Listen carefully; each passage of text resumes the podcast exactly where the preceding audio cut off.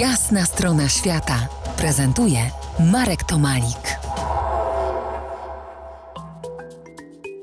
Po jasnej stronie świata Jan Dziubyna, emerytowany nauczyciel, animator tradycji i kultury łemkowskiej, wraz z rodziną twórca osady edukacyjnej. Dzień dobry, panie Janie. Daj Boże, dobry dzień. No to zacznijmy od wizyty w tejże osadzie, zagrodzie edukacyjnej, którą niedawno miałem wielką przyjemność odwiedzić. Ta wizyta pozwoliła mi otworzyć oczy wyobraźni na dawne życie łemkowskich górali.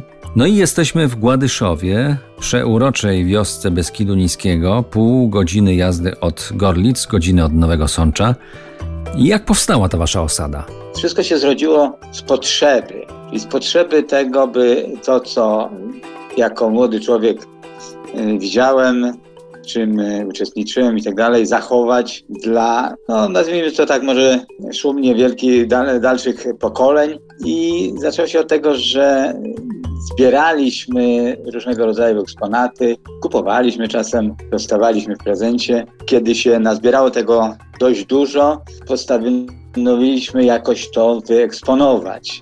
Jakaś taka forma, nie wiem, izby pamięci czy coś w tym stylu nie wchodziła za bardzo w grę.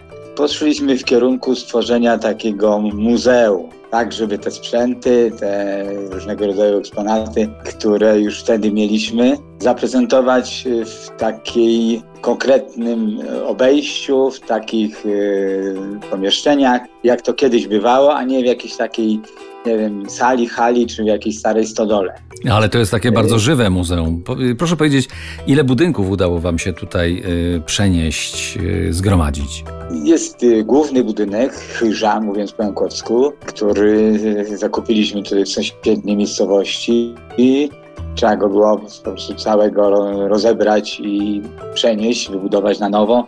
Sporo niestety drewna trzeba było wymienić, dlatego że to wiekowe, bo akurat dom ma w tym roku 100 lat, gdyby stał, licząc od początku, i, i 10 lat jak stoi na tym miejscu tutaj już u nas. Natomiast pozostałe obiekty, czyli spichlerze, młyny wiatrowe i jakieś takie mniejsze eksponaty przewoziliśmy już w całości bez rozbierania. I też staraliśmy się, żeby te eksponaty były sprawne, dlatego że y, nas interesuje nie tylko, żeby dany eksponat pokazać, tylko żeby pokazać, jak on działa, jak to funkcjonuje, jak się go reguluje, bo wtedy dopiero poznajemy, jak w sumie ciekawe to było i jak y, na wysokim poziomie na dany moment historii. O tym porozmawiamy za kilkanaście minut bo za ten czas przyjrzymy się mocniej kulturze łemkowskiej, która od lat walczy z, z zapomnieniem.